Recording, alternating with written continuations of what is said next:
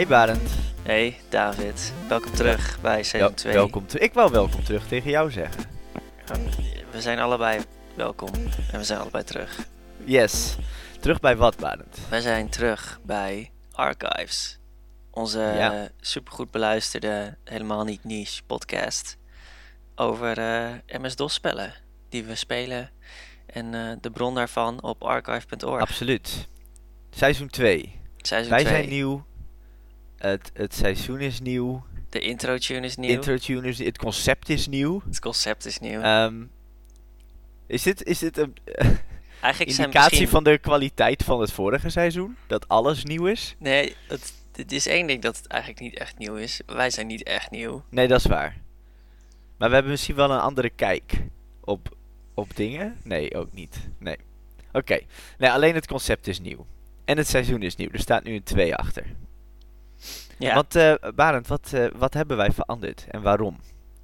Oké, Ehm, zoals jullie allemaal weten, s- kozen wij eerst drie random spellen uit de MS-DOS software collectie op archive.org, die sneller groeiden dan wij die spellen kozen. En we hebben ooit uitgerekend dat toen al onze tagline was, dit, dit kost 37 jaar om alles te reviewen en dit is een slecht concept. Misschien Ja. daarom ook wel dat we dit hebben lichtelijk hebben veranderd. Maar het bleek een slecht concept eigenlijk om een andere reden. Dan dat het 37 jaar... Want we waren volledig bereid die 37 jaar eh, te vullen. Absoluut, dat zag je Ja. ook aan dat we heel consequent elke week een podcast uitbrachten. Ja, absoluut. maar ehm, inderdaad, er is eh, wat anders wat eigenlijk misging. En dat is dat ehm, die randomheid van spellen, die was misschien iets te random. Want als je die pagina opent op archive.org, dan word je super enthousiast. Want daar staan Prince of Persia, staat daar Secret of Monkey Island en SimCity en allemaal klassiekers, Alley Cat. Ja, leuke iedereen klassieke kent. spellen, ja. Precies, en. Daar kijk je erg naar uit. En elke keer hoop je dat je zoiets eh, rolt en tegenkomt. Of En in, juist iets, eh, iets cools, obscuurs, maar in ieder geval speelbaar. en Het ziet er een beetje tof uit. En, en moet ik zeggen, die eerste twee afleveringen hadden dat ook, hè? Ja, Metal Tech Battle Drone, Ja, die, eh, die kenden we, de serie kenden we in ieder geval. En super toffe stijl. Project Operation Neptune. Neptune. Ja, Project Operation- Neptune. Ja, Ja, een van de twee. die, dat was eh, tof. Dat was cool. obscuur, speelbaar, weet je. Het was iets wat, het zag er vet uit. Maar toen, Maar toen, in de, de latere afleveringen, kwamen we eigenlijk, terwijl we zelfs nog wat filtering hebben toegepast, ehm, kwamen we eigenlijk eh, steeds meer blackjacks en eh, kaartspelletjes. Ja, ja Game adventure game creator, game maker dingen tegen. Ja, text adventures, text adventures, text adventures. Oh ja, inderdaad. Text adventures. Was, ja, en dat was niet alleen niet echt leuk om te spelen, eh, waardoor wij niet enthousiast waren om er een aflevering over te maken, maar het, het is ook niks over te zeggen, want het is tekst op een scherm en het was meestal niet goed geschreven. Ik bedoel, je zou een aflevering kunnen maken over iets als Zork, hè, wat, wat een culturele eh, soort happening was toen het uitkwam. ja, en omdat Zorg zou ik ook nog wel echt meer willen spelen, omdat het zo'n culturele happening was. Precies, en er, en er zijn zoveel delen van gemaakt, het heeft zoveel mensen beïnvloed. Maar eh, het was echt pulp, de meeste dingen die we kregen. Maar goed, dat was seizoen 1, hebben we het niet meer over. Doe net of het niet bestaat, dit is seizoen 2. Had je al verteld hoe we dat nu gaan aanpakken? Nee, nog niet verteld, maar de premise is duidelijk. Er, moet, eh, er moest iets veranderen. Dus wat eh David en ik hebben gekozen is... eh, ten eerste gaan we maar twee spellen doen per aflevering.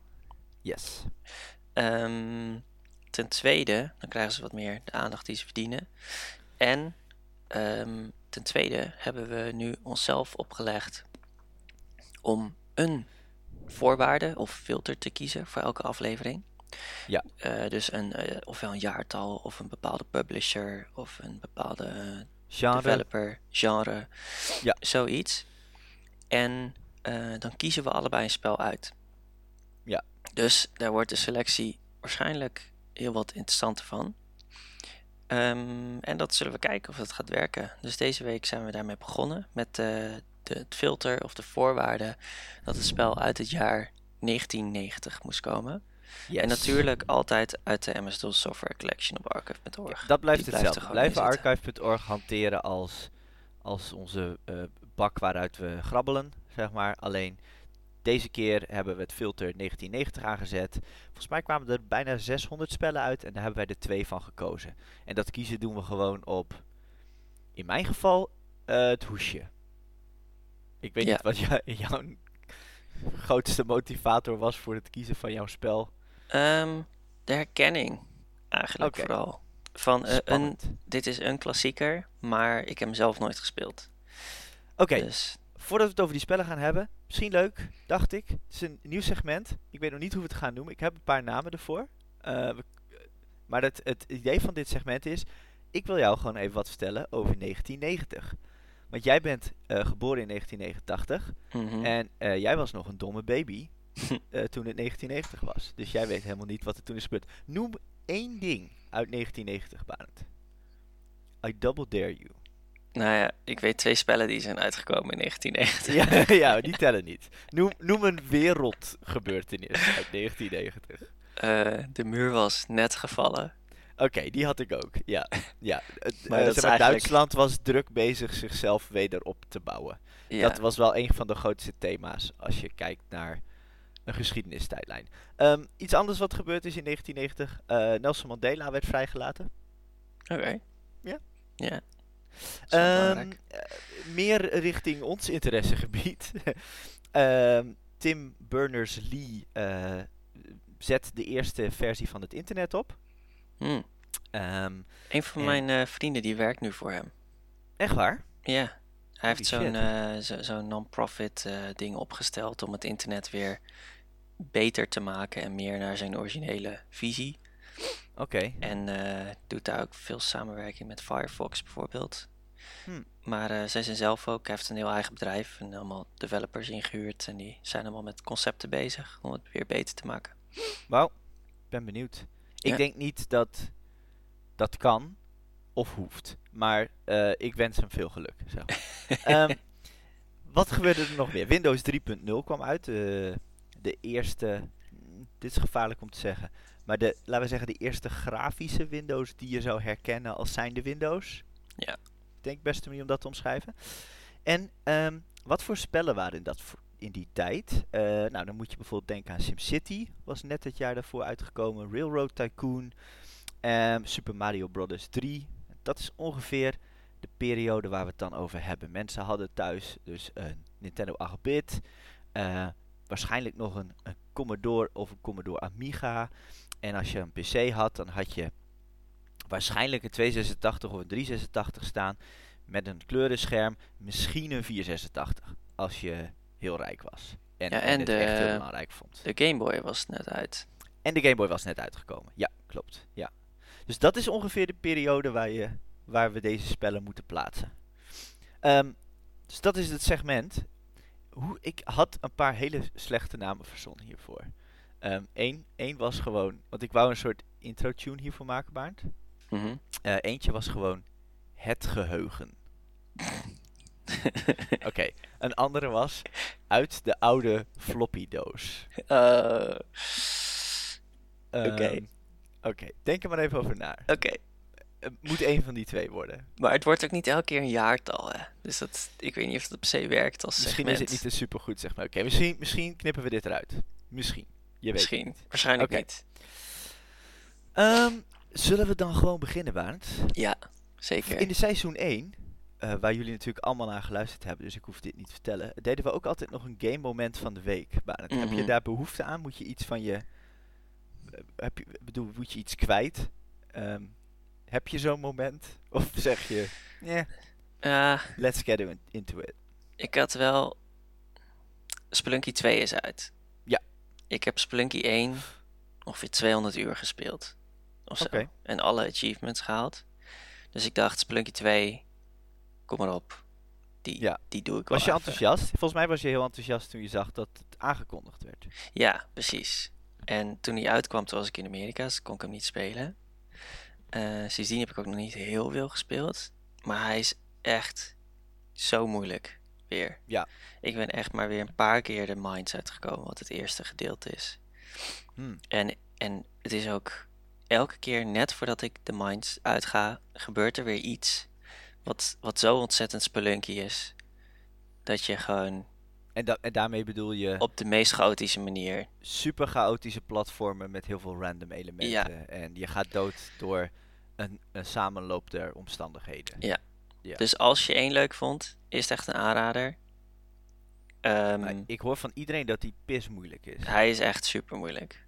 En Spelunky 1 stond bekend om hoe moeilijk die was. Ja, Dus Misschien is het beter om met oneerlijk. één te beginnen. Maar misschien Ja. voelt één gewoon makkelijker voor mij, omdat ik het iets meer gewend ben.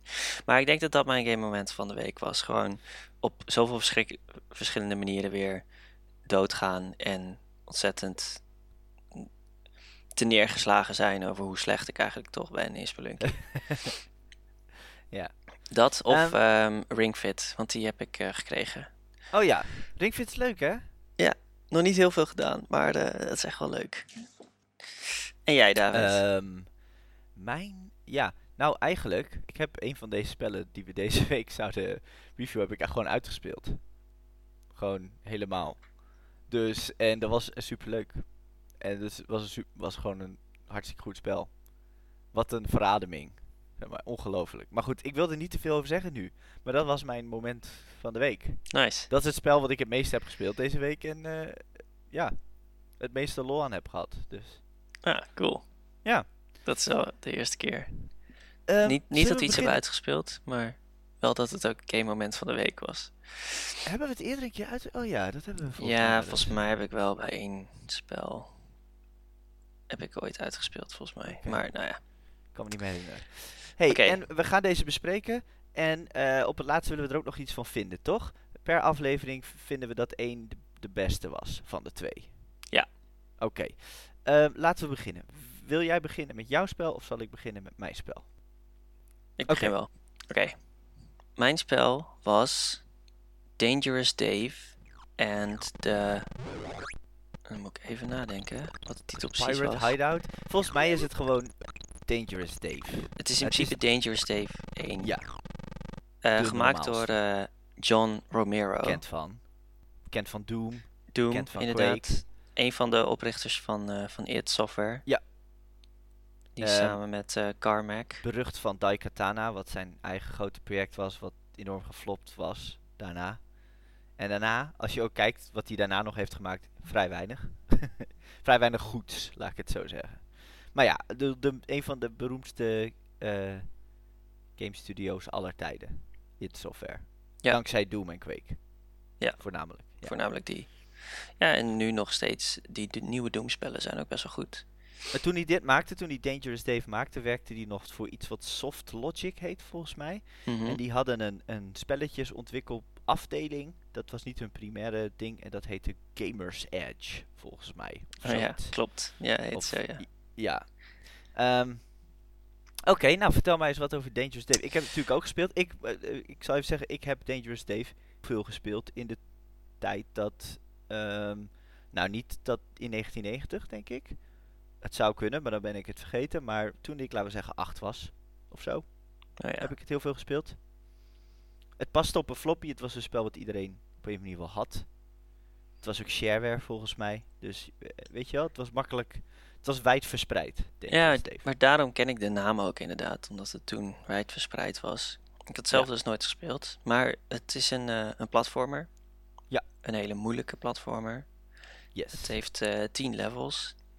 En je hebt een, eh, een beetje een thema dat eh, er is een, een, een goblet ergens in de, de wereld, wat altijd een populaire eh sc- scorepunten object was om te pakken. Misschien is het gewoon makkelijk weer te geven met sp- sprites of zo. Ik weet niet precies waarom dat altijd Ja, zo het is was. gewoon een, een gouden beker. Dit is herkenbaar. Het ziet eruit uit als iets wat geld waard is. het, is- het is een typisch treasure ding, inderdaad.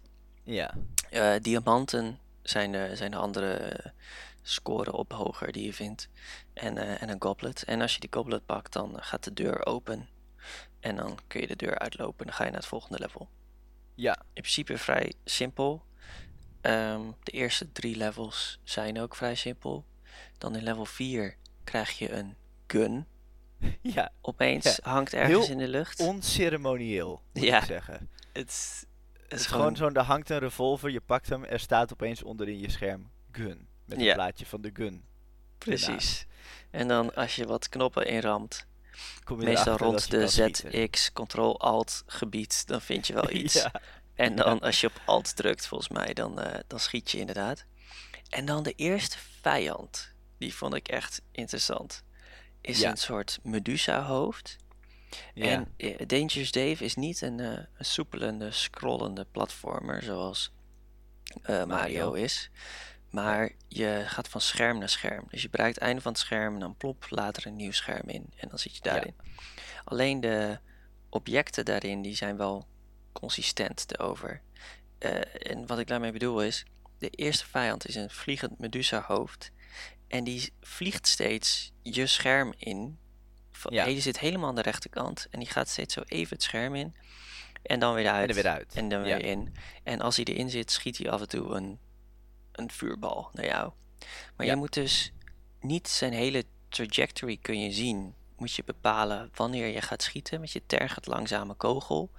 En dan kijken of je ongeveer dan dat Medusa hoofd kan raken. En waarom dat hoofd niet gewoon helemaal in één scherm geplaatst is. Wat volgens mij alles fijner zou maken daar Ja. heb ik echt geen idee van. Maar het is, ja, het het terugkomend thema. In ieder geval. het hoofd beweegt ook zo snel. Ja. Het, het lijkt, ik bedoel, jij bent, alles voelt stroperig in dit spel, behalve hoe die vijanden bewegen. Ehm, ze lijken op compleet random momenten te schieten, maar inderdaad, het kan dus gebeuren, je, je springt naar het volgende scherm. Het bevriest eigenlijk het scherm, jij bevriest in de lucht, terwijl het scherm als het ware naar rechts hè, gescrolld wordt. En ehm, door de plaatsing van de vijand in dat scherm, of de plaatsing van een kogel, kan je gewoon meteen ook dood zijn op dat moment. Ondanks dat, dat die situatie helemaal niet bestond. Dus het is super clunky. Ik bedoel, het is niet. Het, ondanks dat er maar 10 levels zijn, heb je niet het gevoel dat je echt eh, goed in kan worden. Anders dan gewoon de, de precieze beste route te leren om een level te doen. ja, het is heel idee. erg trial and error. Ja, Eh, je hebt ook maar drie levens. Drie Daves die bovenin je scherm staan. Ja. Geen manier om nieuwe levens te krijgen.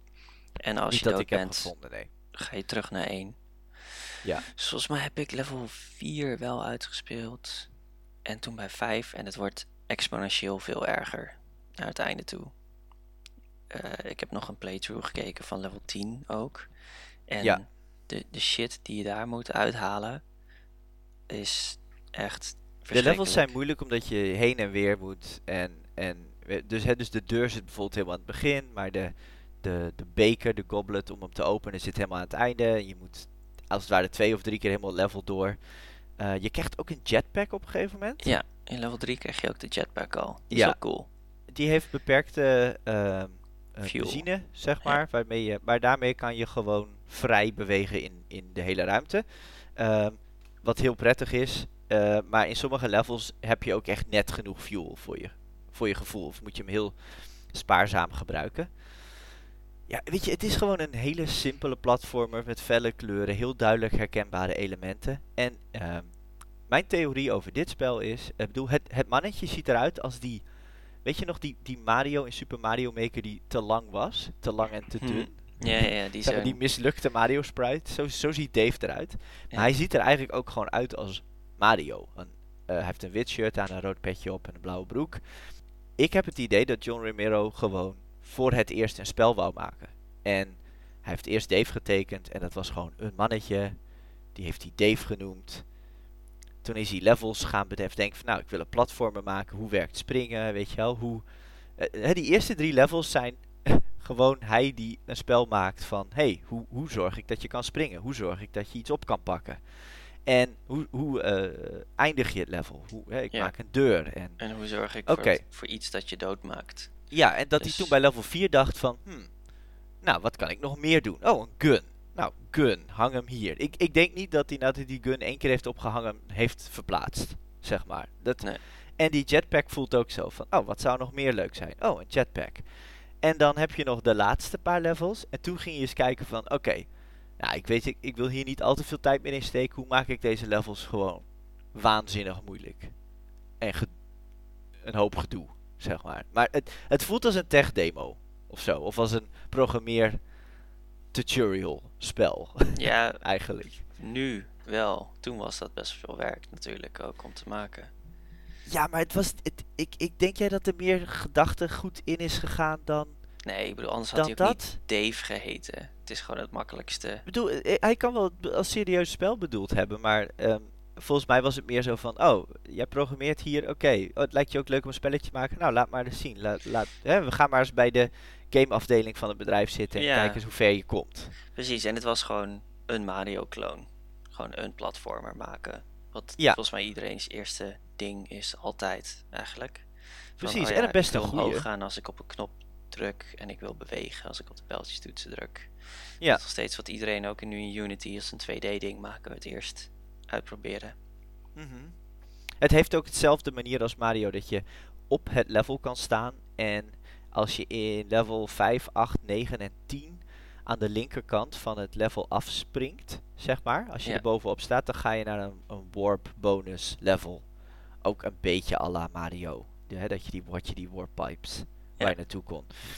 Dus inderdaad, wat jij zegt, het is gewoon, hey, kan ik zoiets maken? Niks mis mee, maar Nee, het is gewoon een echte klassieker, maar het is niet één die per se revisiting nodig heeft, denk ik. Het heeft geen sfeer of, of iets cools of een cool karakter. Of, eh, en, en dat maakt het des te bizar. Want ik weet niet of jij hebt gezien, maar er zijn allemaal sequels gemaakt door Gamers Edge. Nadat John Romero dus al weg was gegaan om onder andere Wolfenstein en Doom en zo te maken. En die zijn, daarin hebben ze Dave helemaal uitgewerkt. En ze hebben op een manier bedacht dat hij, hij heeft een eh, Confederate Amerikaanse vlag op zijn pet gekregen. Hij heeft een shotgun en rijdt in een, in een, in een pick-up truck. En ehm, het, het, het spel laat en dan staat hij voor zo'n bord. Er staat caution met echt veel te veel dik bloed erop. En het, eh, het spel, tenminste de- die ik heb gespeeld, is, begint in een level met een bos. Je, je bent ongeveer zo groot als Commander Keen. Je bent veel uitgewerkter. En ehm, als je dan nou, 10 meter naar voren loopt, dan word je aangevallen door een hond. En als die hond je zeg maar pakt, dan krijg je een cutscene dat hij je aan stukken scheurt. En het botten en bloed en vlees rondvliegt. Ze hebben op een manier bedacht van dit moeten we heel edgy maken. Dit, dit, dit Dangerous Dave, we gaan helemaal, we, ze gingen zeg maar duizend procent op dat Dangerous. Of zo. Het is gewoon heel Amerikaans. Echt idioot. als je- voelt het. Om, Ja. om dan maar van een spel iets heel gewelddadigs te maken. Maar, maar niks in dit eerste deel heeft er maar iets mee te maken. Het is zo, zo vreemd. Het is gewoon, maar je merkt gewoon dat eh, ja, andere mensen hebben dit overgenomen. Dit was gewoon een leuke platformer die John Romero Maar John Romero heeft zelf ook nog wel meerdere gemaakt, toch? Ja, niet alleen de meerdere level packs, zeg maar, heeft hij gemaakt. Ja, nee, daar heb, dat, daar heb je gelijk in. Maar ik bedoel, die zijn gewoon, ja, dat is gewoon meer tiles op verschillende plekken, weet je wel, meer Oh, nieuwe ja. levels. Precies hetzelfde gameplay in principe. Oh, welk jaar zou Doom zijn? Volgens mij is dat 91. Echt, toen al. Ja, Oeh. ja moet je voorstellen, wat een, eh, Als, we, als Verschil een keer ertussen zit, dan eh, ga ik die misschien wel pakken. ja. Is wel echt En ik bedoel, dat is ook wel leuk. We zouden ook eh, bijvoorbeeld in plaats van een jaar een developer kunnen kiezen. Zoals John Romero, die toch hele vette shit heeft Gewoon gemaakt. heel it. it Of heel id Software, ja, precies. Ja, wat verder nog over Dangerous Dave. Ik bedoel, ik heb er wel goede herinnering aan. Ik hoorde die geluidjes weer. Ik dacht, oh ja. Maar ik weet ook wel dat we het speelden omdat die computer gewoon niet heel veel anders had. Er zat een F1 racing spel op en dit. En volgens mij is dit spel inderdaad, nou ja, 1,44 MB groot, weet je wel. Precies zodat het op een floppy past. Dus ja, Nee, er is verder niet heel veel over Dangerous Dave. Ik vond hem leuk om even te proberen en om het Ja. te zien, want ik kende de naam inderdaad ook wel. ik, krijg, ik kan hem niet uitspelen. Het is te, te, te- Nee, te frustrerend, zeg maar, om te besturen. ik heb het geprobeerd, echt. En toen, toen heb ik even vooruit gekeken, toen ik eh, vijf keer in hetzelfde level dood was gegaan. ja, En toen dacht ik, nee, dit eh nee, is is niet. Maar jij wou natuurlijk ook extra graag deze uitspelen omdat je hoorde dat ik mijn spel had uitgespeeld. Zeker. En jij, jij zeg maar, jouw, jouw blinde eh jaloezie Ja, En, en eh, ja, broederstrijd, zeg maar, die in jouw plaatsvond. dat gebeurde ervoor. inderdaad. Misschien moeten we Ja. ook een, een uitgespeeld counter bijhouden. Oh, dat is zo'n slecht idee. Moet je je voorstellen dat je... Ik bedoel, bij sommige spellen ka- kan je dat überhaupt zeggen? Bijvoorbeeld bij voor dat we ooit SimCity willen doen, of zo. Ja. Dat gaat niet werken. Heeft hij niet Dan een moeten we met credit high sequence ergens? Als je een bepaald eh, level afrondt of zo? Dat is een goede vraag. Zou SimCity uiteindelijk een soort... Kan je SimCity uitspelen? Je hebt wel scenario's die je moet halen. Daar zou je wel iets mee kunnen doen, denk ik. Misschien als je alle scenario's haalt. Er is ook vast wel een speedrun van SimCity. Die hebben dan ook goals gesteld. Je moet misschien dan het eerst een bedrag verdienen of zo. Ja, we kunnen onszelf natuurlijk gewoon arbitraire regels geven. Ehm, ik, eh, ik keek eh, van, de, van de week een, eh, een, gast die speelt Pokémon. Maar die speelt het in Team Rocket mode, noemt hij dat. En elke keer als je een trainer verslaat, krijg je de Pokémon van die trainer. In de plaats van je eigen team. Oh. Dus je moet zeg maar alles op hele goede volgorde doen. Eh, want anders moet je zeg maar naar een gymleader met één Weedle of zo. Als je toevallig die trainer net voor de gym tegenkwam. Het is een erg grappig concept. Maar, welke, eh, welke Pokémon? eh, hij deed het in Crystal, volgens mij. Hm. En in Soul Silver ook. Oh, dat is wel een leuke. Ja, zeker. De leukste, denk ik. Oh, nog steeds. Oké, maar we hebben het niet over Pokémon, Barend.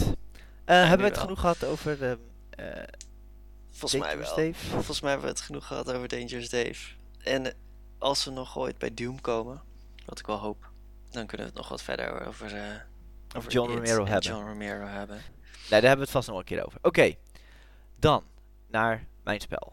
Mijn spel deze week heette King's Bounty.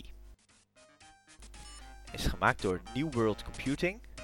Door een, eh, staat bedacht, designed bij John van Kanegem. Ja. Eh, klinkt als een eh, Nederlandse naam, maar hij is Amerikaans.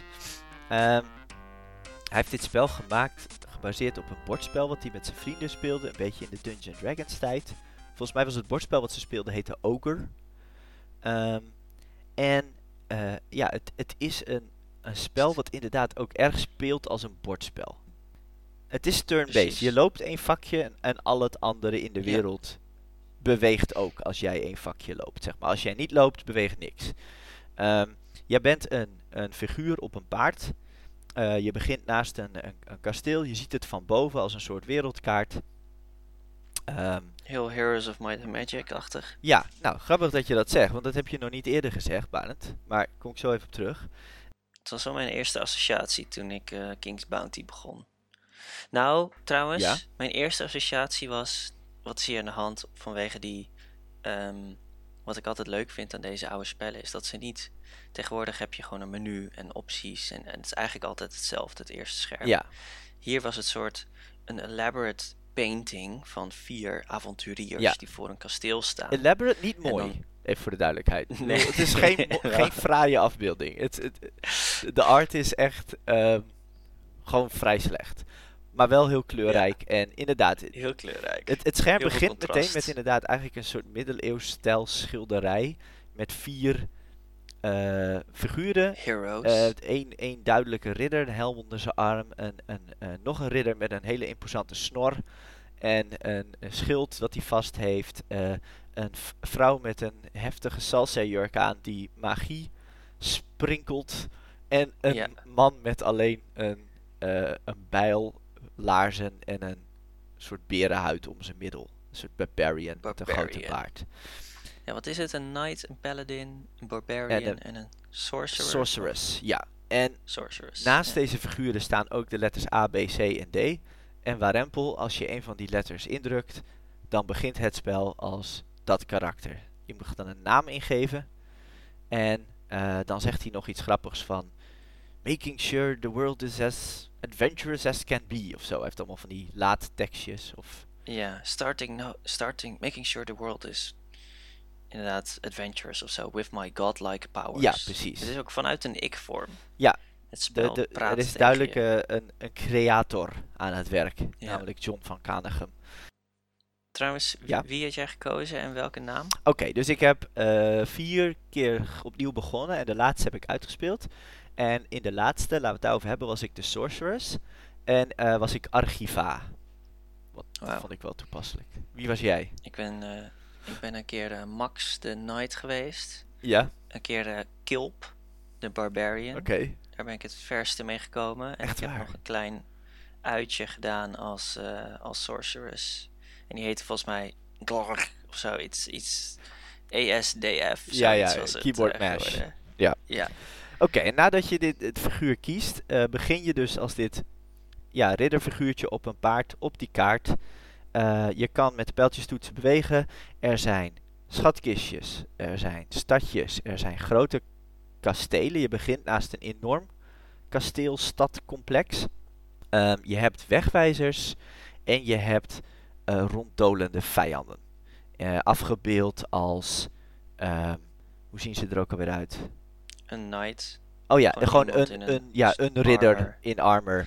En En als je ze aanraakt, krijg je een beschrijving van wat het eigenlijk is. Van a, a few mages, Ja. lots of orcs yes, and a few peasants of zoiets staat Ja. dan. En dan kun je kiezen of je met ze wil vechten. absoluut. Dus hij vraagt, wil je met deze, met deze partij vechten, ja of nee? En zo, ook als je een schatkistje pakt, zegt hij, hey, wil je het goud of wil je dit omzetten in leadership? Of hij zegt bijvoorbeeld, eh, het schatkistje is meer een abstractie. Die zegt bijvoorbeeld, oh, hier liggen veel mineralen. Eh, de koning beloont je door je 32 goud per week meer te geven. Ja. Of eh, in sommige gevallen zit er een landkaart in. Of in nou ja, het zijn allemaal opties die je kan vinden. Je kan ook nog items vinden. Bijvoorbeeld een zwaard, een schild zit erbij, een ring. Nou, en die geven je extra stats. Ja, je weet niet eerst niet zo goed wat je moet doen. Er, er is een stukje verhaal uitgelegd.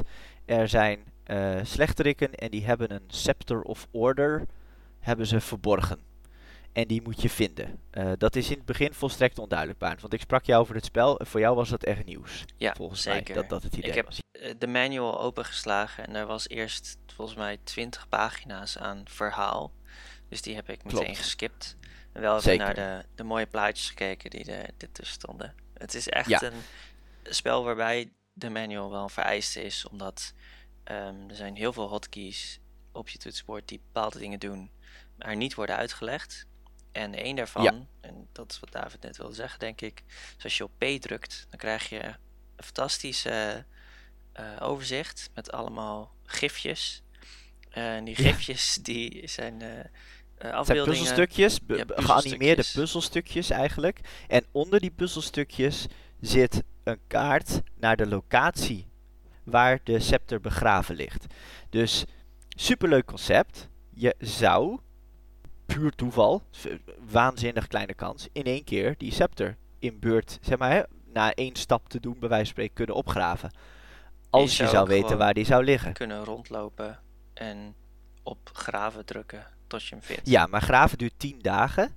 En eh, een van de dingen die het spel, eh, als je het spel start, kies je eh, de moeilijkheidsgraad en die wordt uitgedrukt in dagen. Impossible is heb je maar 200 dagen om het spel uit te spelen. En bij Easy heb je volgens mij 900 dagen. Maar dat betekent dus dat als je gewoon lukraak zou gaan graven, zou je maar 20 vakjes kunnen graven en dan was het spel afgelopen. Nou, de wereld is duizenden vakjes groot. Dus dat, dat zou een hele kleine kans zijn dat het dan lukt.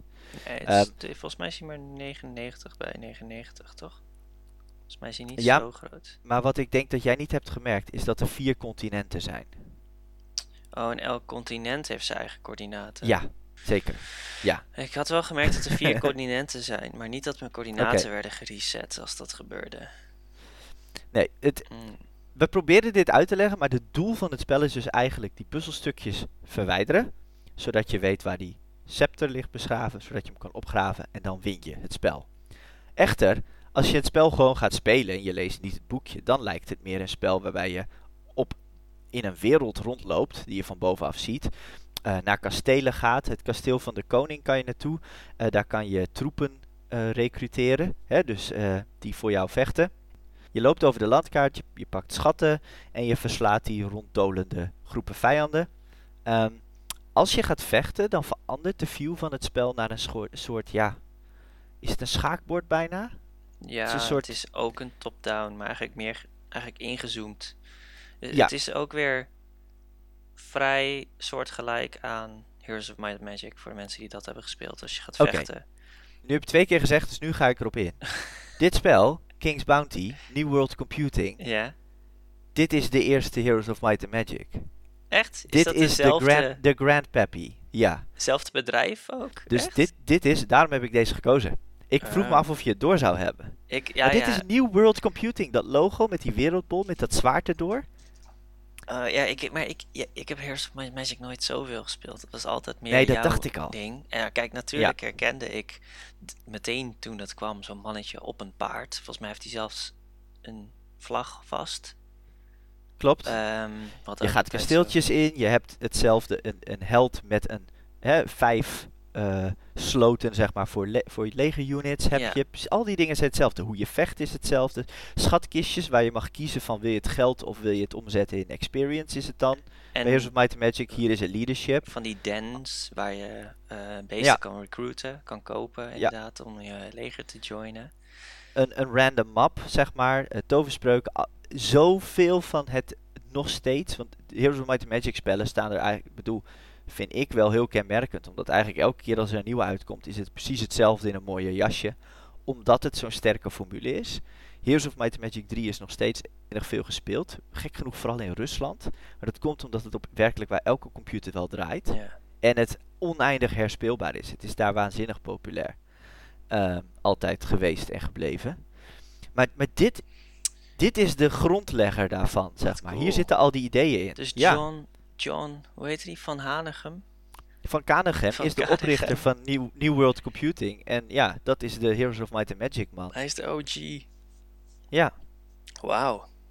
Dat Vet, wist hè? ik niet. Ik had wel de, de similarities gezien, maar kan je niet herinneren in Heroes of Might and Magic dat je ook die puzzelmap hebt met dat begraven ding?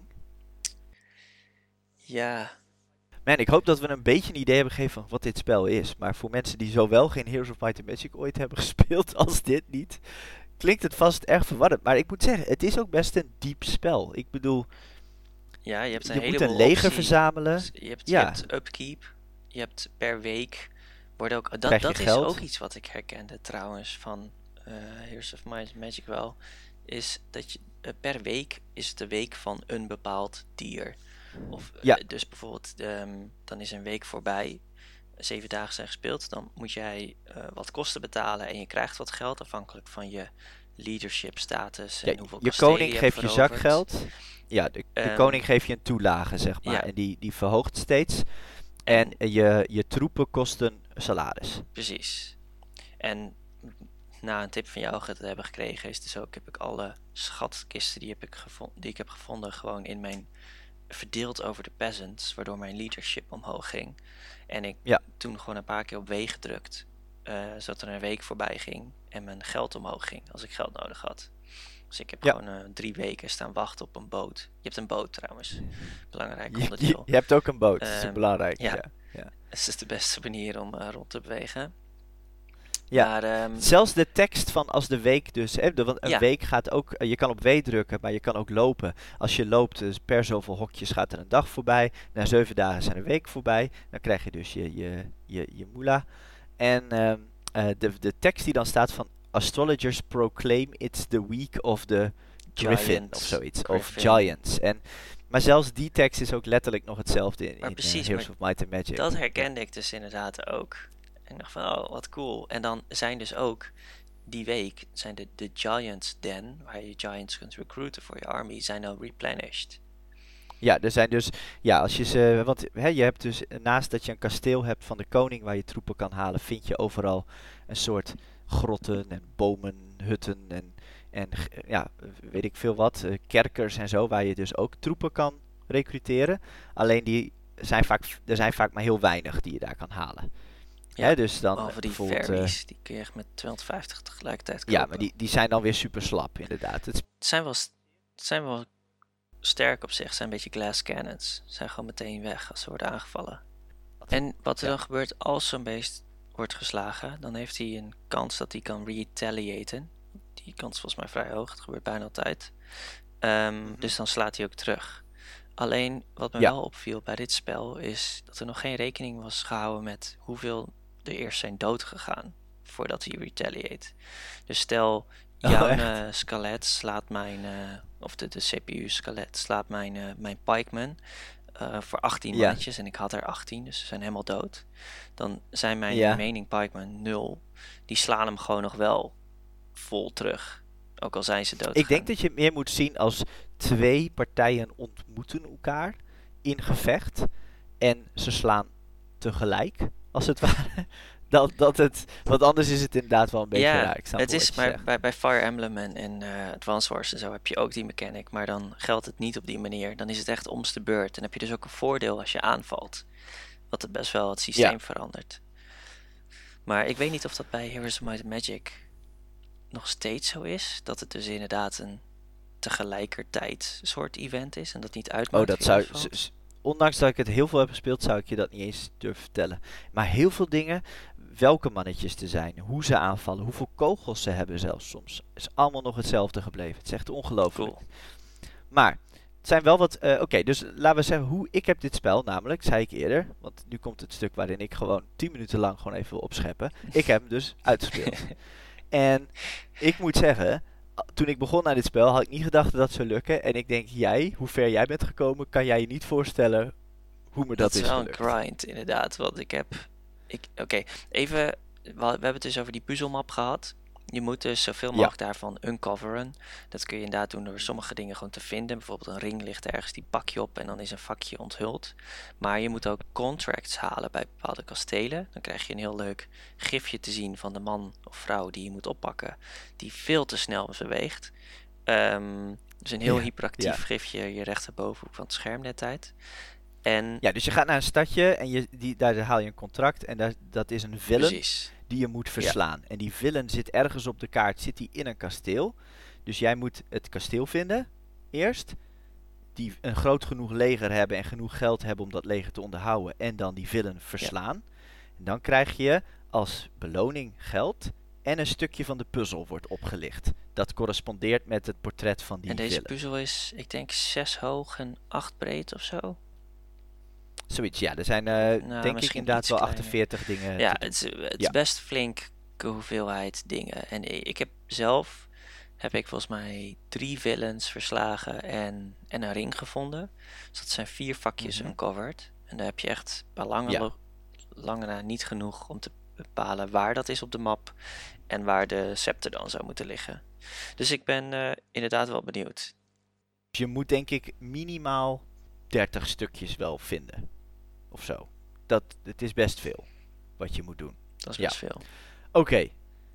Ehm, ook gezien de tijd, ik ga jou vertellen hoe ik dit spel heb uitgespeeld.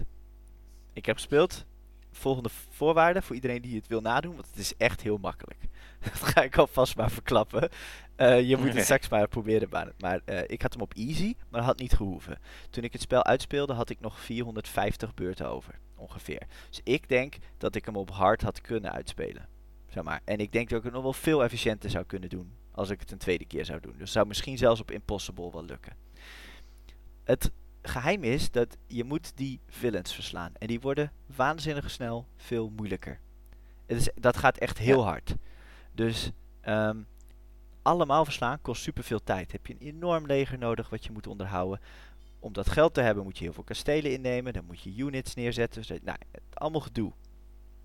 Ehm, wat veel makkelijker is dan iedereen verslaan, is gewoon zoveel mogelijk als je kan van die puzzel oplossen. Zodat je een idee hebt waar je het ongeveer moet zoeken.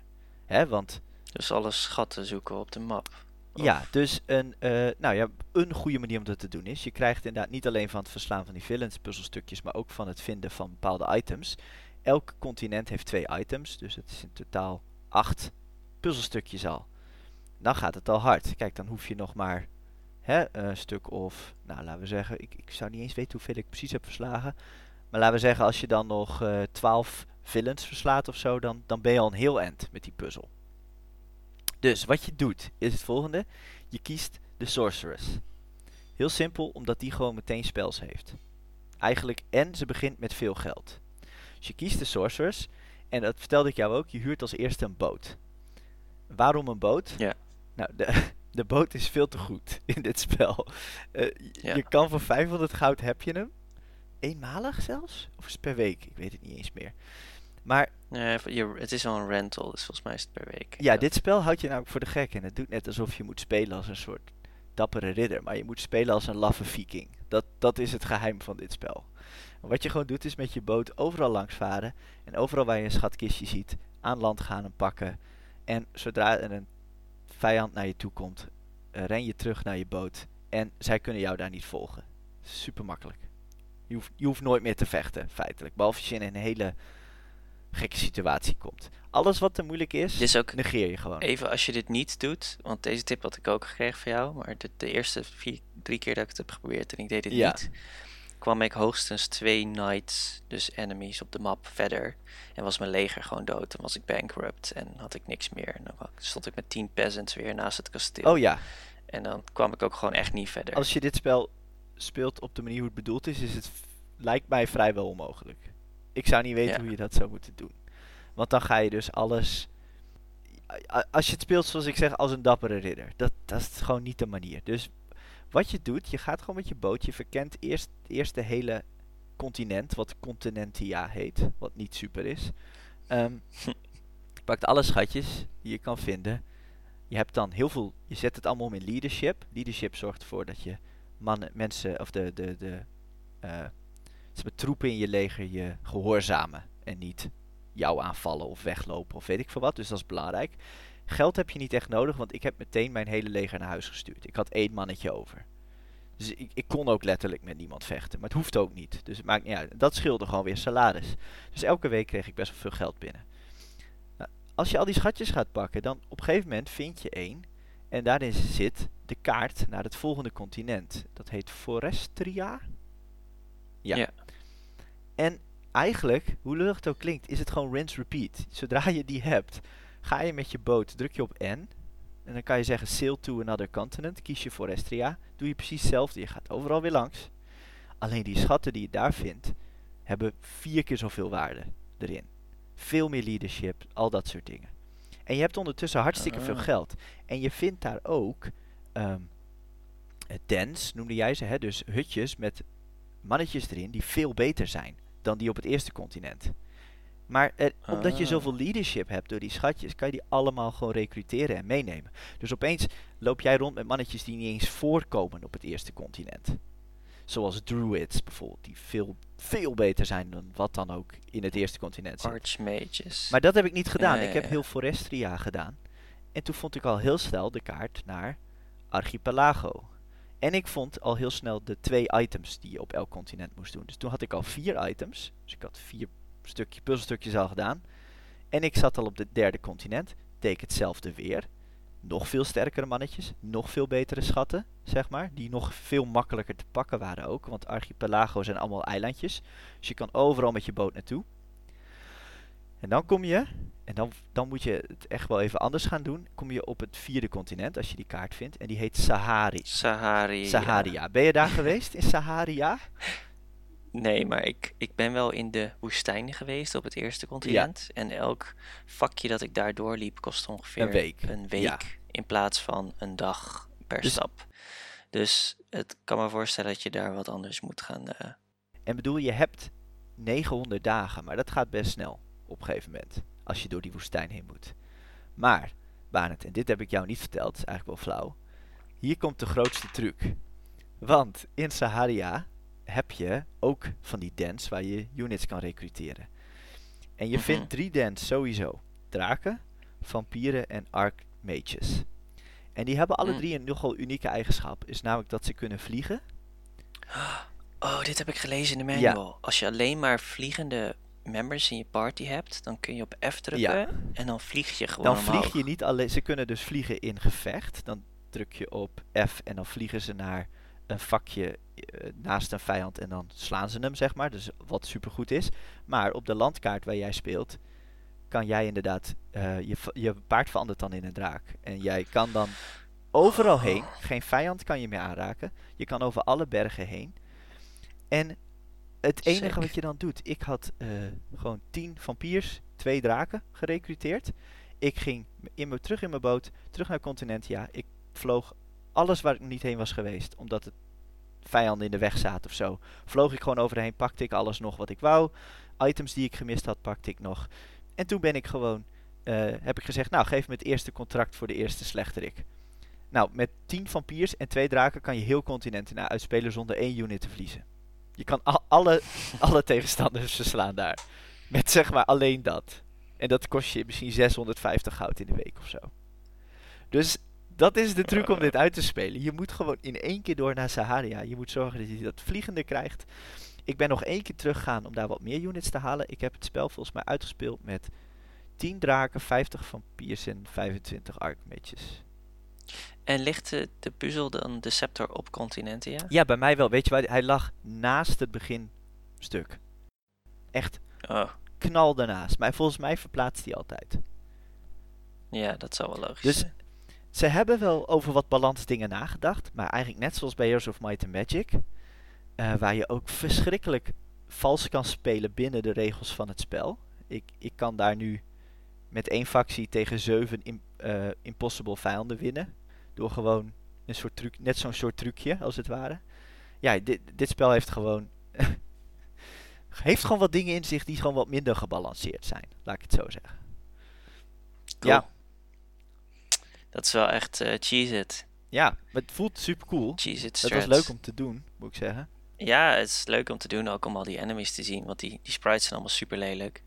En um, die portretten van die villains ook. Maar ik ben wel heel benieuwd naar hoe die dragons eruit zien. Het is wel cool op een gegeven moment. Ik bedoel, het voelt toch tof als je die dragons en die vampires, ook al zien ze er niet uit. Maar ze, maar ze, ze hebben toch genoeg variëteit in die, um, in die units gestopt. Bijvoorbeeld die, die draken kunnen door uh, in ieder geval peasants, maar misschien ook nog wel andere units, gewoon krijgen geen damage daarvan. Omdat het draken zijn.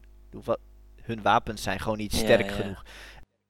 Maar dat had ik dus ook steeds want ik moest dan zo'n kasteel overnemen met mijn zielige army, die, die ik dacht dat best goed was, maar die ik gewoon op de, de, ja, de niet cheesy manier had gemaakt. Ja. Dus gewoon rondkijken bij dance, mensen recruiten en zo.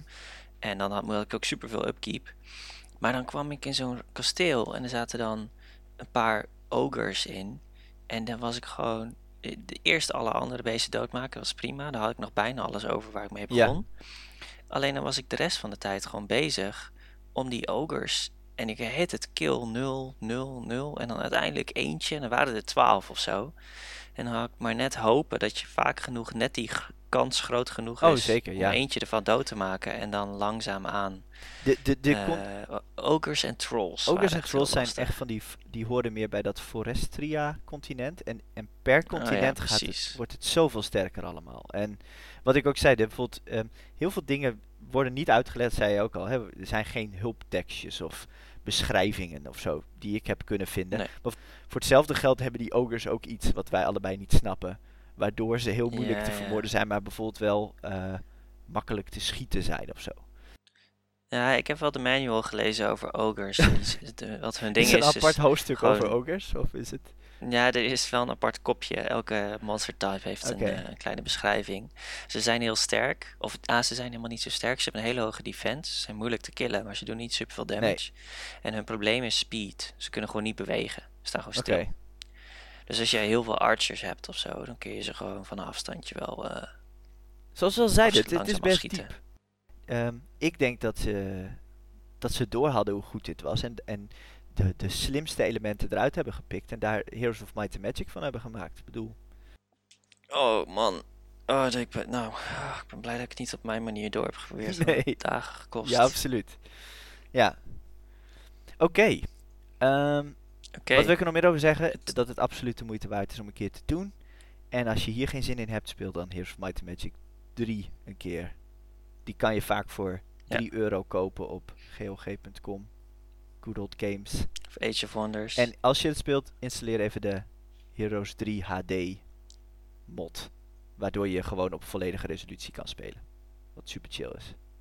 Dus. Nou, Daaf, Ja. we hebben het weer gedaan. Zelfs met maar twee spellen. Toch een, meer dan een uur.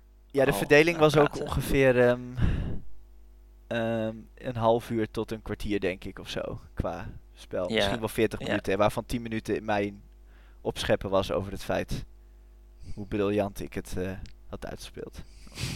je hebt toch ook gewoon op GameFAQs gekeken? Ja, ja, zeker. Meerdere, ik, heb, ik heb meerdere guides gelezen en gewoon gekeken. Oh, Oké, nou ja. Ja. Maar dan nog, ik heb niet een walkthrough gevolgd briljant zo. Ik opgezocht. heb gewoon opgezocht wat kon en wat sterk was. Niet precies hoe je het moest doen. In principe. Nou ik vind het eh, impressive. En ik denk dat ik nog wel even naar... eh, ik was al wel zover dat ik naar Forestria je moet gewoon helemaal door en dan weer terug. Ja. Ja. Alright man. Oké, dit hebben we nog niet eerder gedaan. Ehm, maar voor mij is het wel duidelijk. We, we kiezen per eh, aflevering één winnaar. En wat doen we daarmee? Dat is de Die schrijven we op een briefje. En dat Ja, briefje... Nee, we gaan onze site weg. updaten met een seizoen 2 pagina. Oh, gaan we dat doen? Oké. Ja, Ga jij dat doen? Of is, is dat... Ja, dat gaan we doen. Dat komt helemaal top. goed. Ehm, ja, het is King's Bounty, man. Sorry. Ja, het is King's Bounty. Ehm, allebei hebben ze iets van een legacy. Hè, dus er zijn meerdere delen van gemaakt. Maar de Dangerous Dave sequels kunnen niet op tegen eh, wat, wat. King's Bounty allemaal heeft teweeggebracht in de wereld. Zeg maar, En ook gewoon los van de sequels kan Dangerous Dave niet op tegen King's Bounty. Maar alleen al ook dat, dat de, sprite van hoeveel geld je hebt veranderd. Zo'n zakje met geld, met coins. Zoveel van dat soort kleine details. Ja, absoluut. Dat is gewoon cool. Ja. Dat is gewoon super tof. En dat is ook wat je wil als je zo'n bordspel aan het spelen bent. Dat je zo van die coins hebt die zo opstapelen en zo. Dat, ja, eh, dat is goed gedaan. van die menus waarin alle mannetjes uitgetekend zijn in plaats van dat het gewoon letteropties zijn. Ze, ze probeerden alles heel icoonachtig op te lossen. Ja. Alleen de, de snelheid van de gifjes. Wat, het zijn geen gifjes natuurlijk, maar de, de animaties hadden wat Nee, dus die, die gekund, villains omdat- hebben een soort afbeeldingen en die bewegen en die zien er gewoon volstrekt komisch uit. Dat ze zo snel gaan. Ja, want ik heb nu dus ook nog steeds Ja. Hack the Rogue met als nickname de Spitter. Ja, En die is gewoon, ik denk iets van drie keer per seconde aan het spugen ja op dit schermpje. Ja, Er is ook echt een Undead King die echt lekker aan het babbelen is. Het is, het is wel echt heel, heel grappig om in ieder geval die puzzelpagina een keer te bekijken. Ja. Om te zien welke villains er allemaal zijn. ik zou iedereen aanraden dit te bekijken, vooral omdat je het gegarandeerd kan uitspelen. En dat voelt gewoon goed. Ik bedoel, het is gewoon zo. Om zo'n oud spel uit te spelen, dat is leuk. Ik bedoel, eh, ja. Ja. Alright man. Ehm, King's Bounty. Je hebt gewonnen. De eerste aflevering. Eh Barend gaat de site updaten, dus eh, je ziet het daar binnenkort verschijnen. Eh, mocht je nog vragen en of opmerkingen hebben, dan mogen die naar... Oh god, weet ik het e-mailadres nog? Gewoon archives? at Nee, die was al... Volgens mij is het archivespodcast.gmail.com. Volgens mij hebben we nog nooit een mailtje ontvangen. Nee, alleen van die... Dus iedereen die luistert, die, die kent ons en die stuurt gewoon een berichtje. Via het Telegram. leuk vinden. Ja, ja. je mag ook vragen stellen via Telegram. Misschien moeten we zo'n Telegram broadcast kanaal maken. Ja, kunnen we wel Of doen. niet een broadcast kanaal, maar gewoon... Ja, we kunnen het ook een, Dat is misschien een af... eh, we kunnen ook alleen de audio verspreiden via dat kanaal. Dat alleen people who know, zeg maar, Ja. toegang hiertoe hebben. dat zou grappig Ja. zijn. We zijn altijd op zoek naar manieren om onze kring van luisteraars nog kleiner te maken. En nog nicher.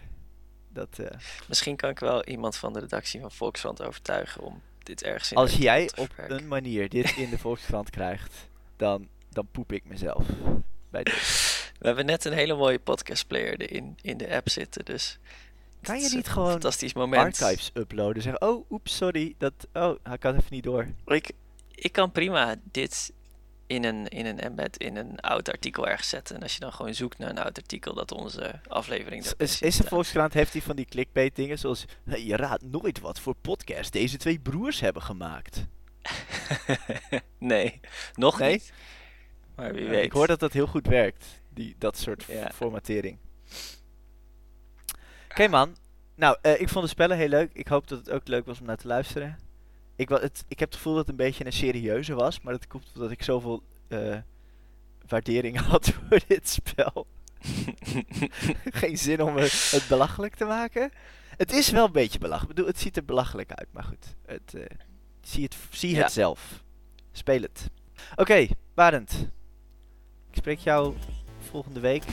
En eh, Ja. jullie horen ons volgende week. Als we ons aan ons schema houden. Wat we vast gaan doen. Wat we vast gaan doen. Ehm, Later. Oké. Okay. Outro. Hoi. Outro. Oh.